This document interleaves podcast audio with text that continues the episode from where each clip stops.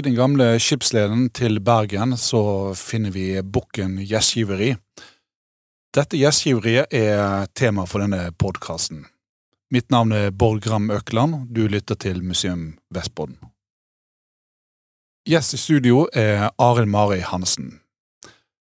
Hansen er både historiker, han er maritim arkeolog, han er pensjonert amanuensis her ved Bergens sjøfartsmuseum, og har vært sentral i oppbyggingen av marinarkeologi på Vestlandet. Han har skrevet mange artikler om sjøfartshistorie og hatt foredrag og byvandringer om sjøfartshistoriske tema. Og han har òg undersøkt mange steder på Vestlandet, både under vann og blant annet i Bukken. Men Arild, eh, først av alt, kan du si helt sånn grunnleggende, hva, hva er et gjestgiveri for noe? Det var et sted som eh, kunne tilby mat og losji til eh, sjøfarende. Vi skal huske at eh, eh, tidligere så var det sjøen som var veien, slik at det var det å komme med båt som var det viktigste transportmiddelet, også som inneholdt varer som skulle fra, la oss si, A til B. Mm. Så handels- og gjestgiverstedene var viktige, Eh, som ordet handelssted eh, går ofte over i dette, men selve gjestgiverivirksomheten, den var avhengig av et kongelig privilegium. Og på 1600-tallet er det de fleste eh, kystbeliggende gjestgiveriene får sine privilegier, slik som Bukken, da. Mm. Og de som, som satt med disse privilegiene, var det borgere i byene, eller? Det var borgere i byene, ja som da eh, ja, måtte ha eh, borgerbrev på, med en tittel, og så hadde de ofte fullmektiger da som eh, styrte den daglige drifta. Hvor, hvor, hvor mange som ikke fantes for eksempel rundt Bergen? Og det var mange, fordi de eh, eh, lå i en sånn tetthet at de kunne betjene folk i alle regioner eller områder rundt oss. Hvis vi tar eh, for eksempel Bergen da i nord, bare ser sørover, så hadde vi jo Bukken som ett av de. Glesvær lenger ut, Bakkasund, Krosshavn, Kvalesund, Engevikhavn, Bakholmen, Godøysund og Gjermundshavn. Da tar vi bare litt av de som ligger helt i, i midtfylket, kan vi si. Det var også mange mot sør. Noen er det rester igjen av, andre er bare historie. Mm. Er det sånn at du finner en viss distanse mellom hvert sted? Det stemmer, for det vanlige var at de lå med en avstand som den i en eldre tid ble kalt for en viku sjøfar, og det har ikke noe med en uke å gjøre, slik vi kanskje skulle tro på grunn av navnet, men det et eh, godt rolag kunne ro på to timer som var den vanlige økta da, fordi, ja, øvrigheten da når den eh, skulle eh, skysses, det var jo ofte skyssplikt da for bønder som lå ved leden. Vi, vi burde kanskje nevne at sånn som Bergensleden, et slikt navn som det, det medfører eh, ja, går helt ifra Sognefjorden til Bergen i nord, og den går fra mm, Karmsundet til Bergen sett fra sør, da. Mm. Så et stort område, og det var mange steder å betjene. Og geistligheten, eller øvrigheten, hadde jo fri skyss, for eksempel prester som skulle til eh, tjeneste, eller eh, ja, jurister da, som skulle til tings. Mm.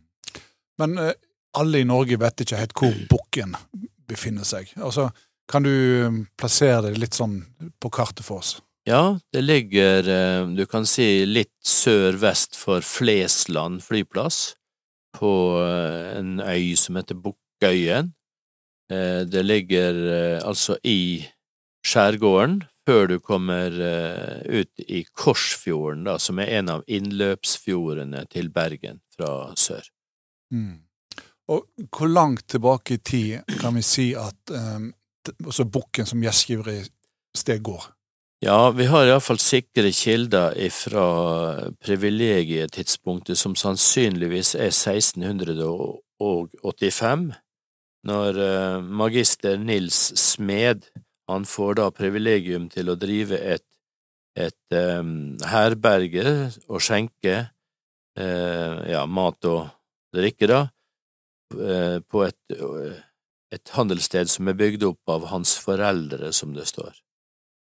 Stedet hadde også um, fire brønner med godt vann, sånn at det var attraktivt for fartøy å komme inn der og kunne ta inn drikkevann i, i tillegg til at man kunne få kjøpt tjenester der. Mm. Så det går iallfall tilbake til 1600-tallet. Men hvor langt opp i tid går dette gjestgiverstedet? Ja, det er jo eh, litt avhengig av handelslovgivningen. Da den, den, gir jo ulike utslag, men eh, slutten av 1800-tallet så er det vel vanlig at, det, at grunnlaget for, um, for handelsstedene eller gjestgiverstedene forsvinner, da. Du har jo en ny struktur, dampskipsfarten kommer, de kunne jo ta folk i lugarer og sånn, og eh, det var jo ofte for dyrt til at eh, lokale kunne, kunne kjøpe overnattinger da i, i området, men eh,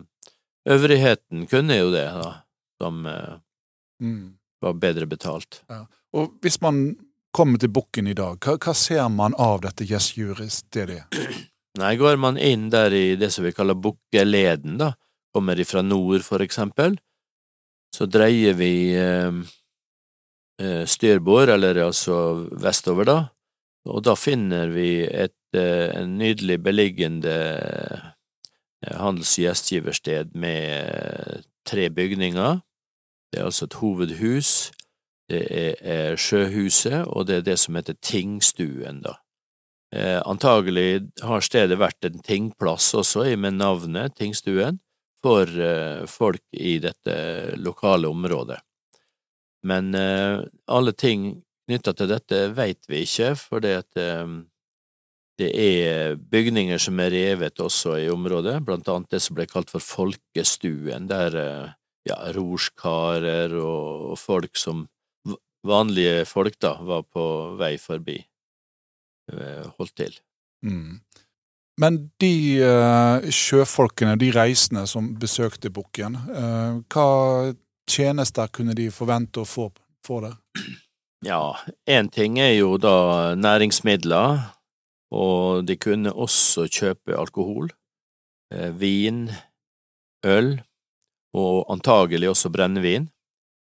Eh, slik at man kunne jo ligge med eget fartøy, og det er det mange som har gjort, fordi at eh, vi har et del marinarkeologisk materiale som peker rundt om i hele Europa når det gjelder eh, ja, la oss si potteskår eller mindre artefakter da, som ikke har noen sånn spesiell kontekst, men eh, som bare ligger løst, altså som løsfunn mm. på sjøbunnen der.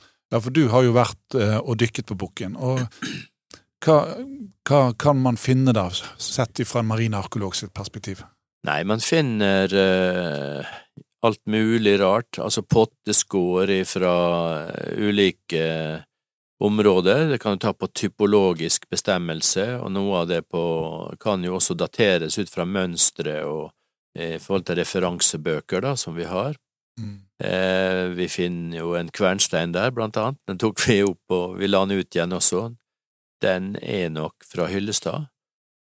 Um, og eh, vi fant uh, krittpiper, vi fant uh, ja, en rekke sånne kokepotter, en rekke ting som da har vært uh, skipsutstyr og mannskapsutstyr. Mm. Er dette ting som er norskprodusert, eller kommer det fra utlandet? Stort sett bare fra utlandet. Mm.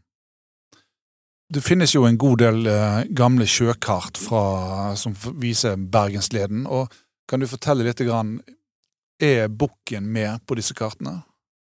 Ja, på en del, men ikke de veldig lokalt fremstilte kartene. Altså det første trykte kartet som vi får eh, for kysten her, utgitt av det dansk-norske sjøkartarkivet, som det heter, de eh, viser ikke bukken. Men eh, vi har faktisk Nordens eldste kart, som er mm, laget av en eh, danske, er det vel, eh, den nevner Bobkara, som det står, altså vi tror bukk fra rå, da, bukk av rå, fra 1400-tallets midt, ja, 1425 er det faktisk, Carta Marina, som er et kjent kart fra den svenske erkebiskopen Olaus Magnus. Eh, han skriver jo en bok om eh, de nordiske folkenes historie. Den har ikke noe med, men han har andre lokale småsteder, sånn av typen eh, ja, Kirken på Sandtorv, Bakholmen, og så videre. Men når vi kommer opp til 1600-tallet, for eksempel en kartlesebok som eh, Wilhelm Jansson Blau heter Der Seerspiegel fra 1643, den gir stor plass til bukkopprå og terrenget rundt der. Så han eh, til og med en kartlesebok er da en bok der du har et kart på én side, og så på andre siden av oppslaget så har du beskrivelsen på hvordan du kan seile der. Mm. Og den beskrivelsen er bevart på Bergens Sjøfartsmuseums eksemplar, mm. en original fra 1643, og der kan vi, kan vi se detaljer om eh, navnebruk, og at landskapet rundt får faktisk navnet etter denne bukken, som eh, da er vist da Ja, det er ikke sånn presist, men du ser eh, Bjelkarøy, du ser Bukkøy, og du ser um, Lille og Store Bukken og dette her. Mm. Eh. Og, og, du har jo en oversettelse oversettelse av noe av den teksten som står i den uh, 1600-talls hollandske kartboken. Um, det forteller jo litt om uh, ankringsplassen, altså bukken som, som, en havn. Kan, kanskje du lese litt for oss hva, hva som står i den boken? Ja, i oversettelse da ifra uh, Der Seerspiegel så står det at Bukk opp rå er en liten øy som kan omseiles på begge sider. Farvannet mot vest er mest brukt, og også dypest. Når man seiler østen for det og kommer til nordenden av bukken, er det helt smalt, og der ligger også et blindt skjær, der står alltid en stake opp, står det da. Mm.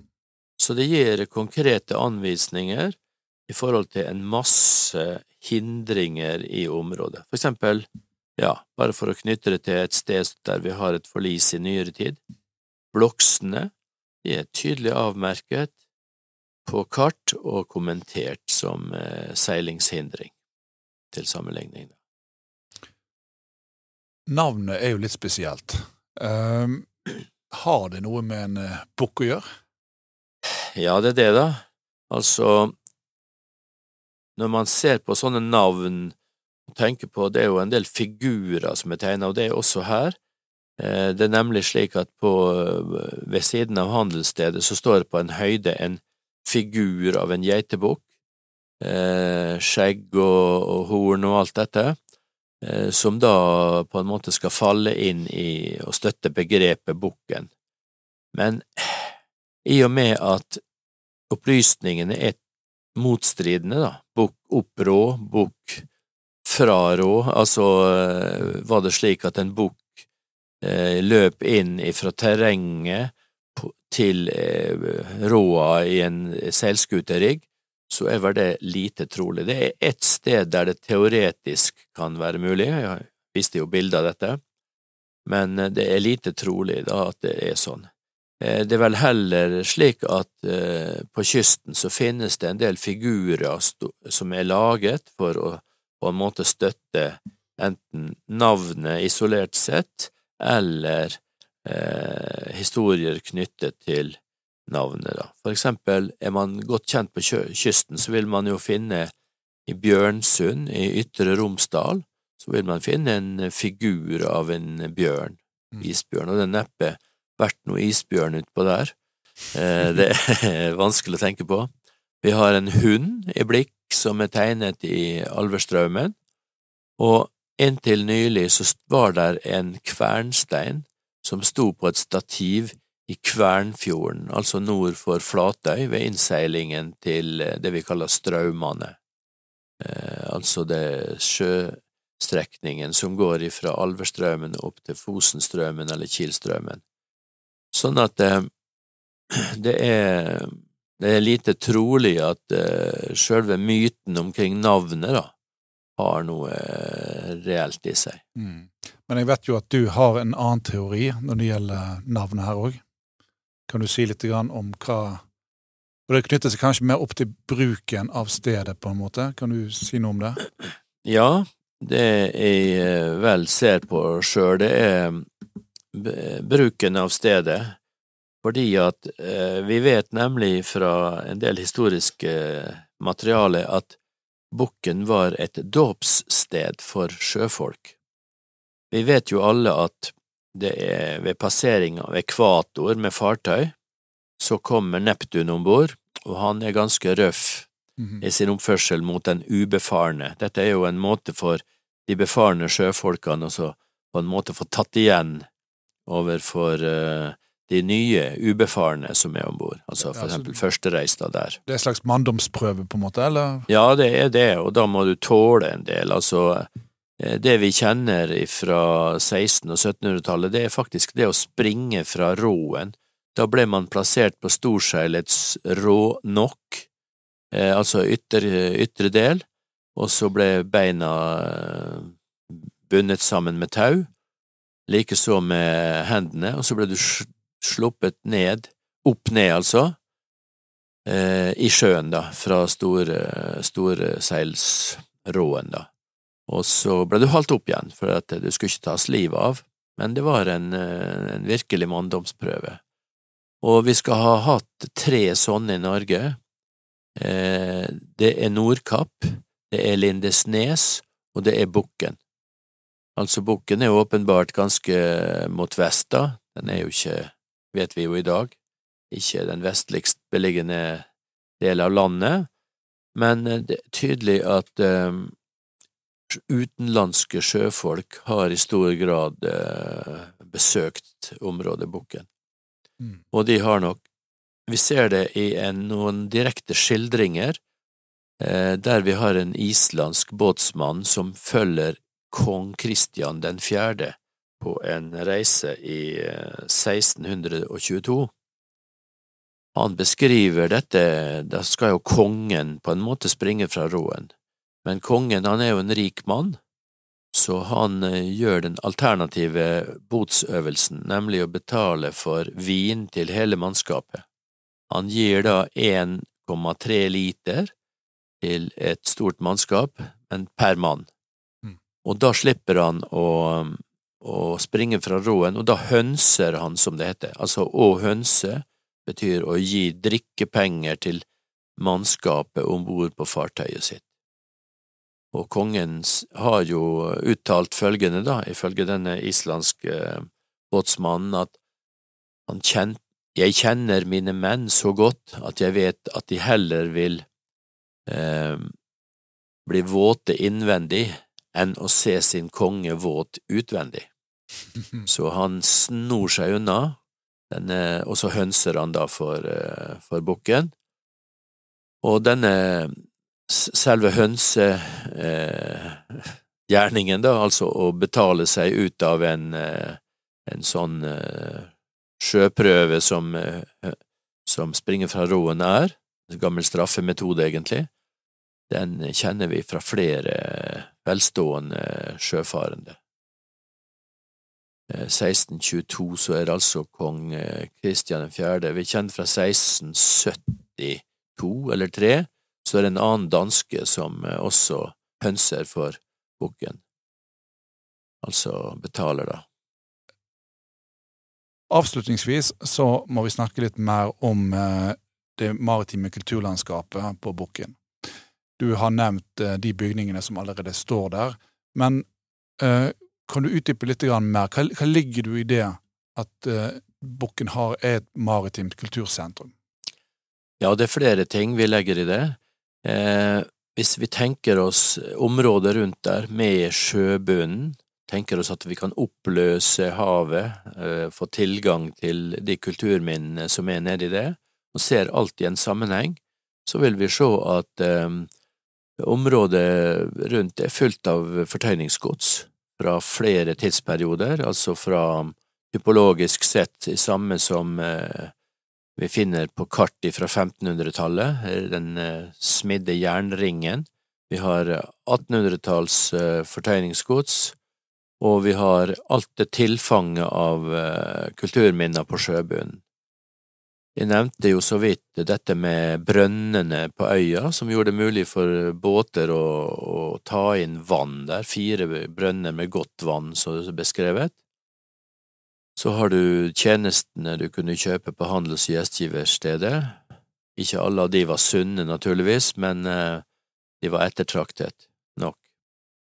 Og eh, du har en havn, en ventehavn eller en værhavn, som var trygg eh, for eh, alle slags vindretninger, egentlig.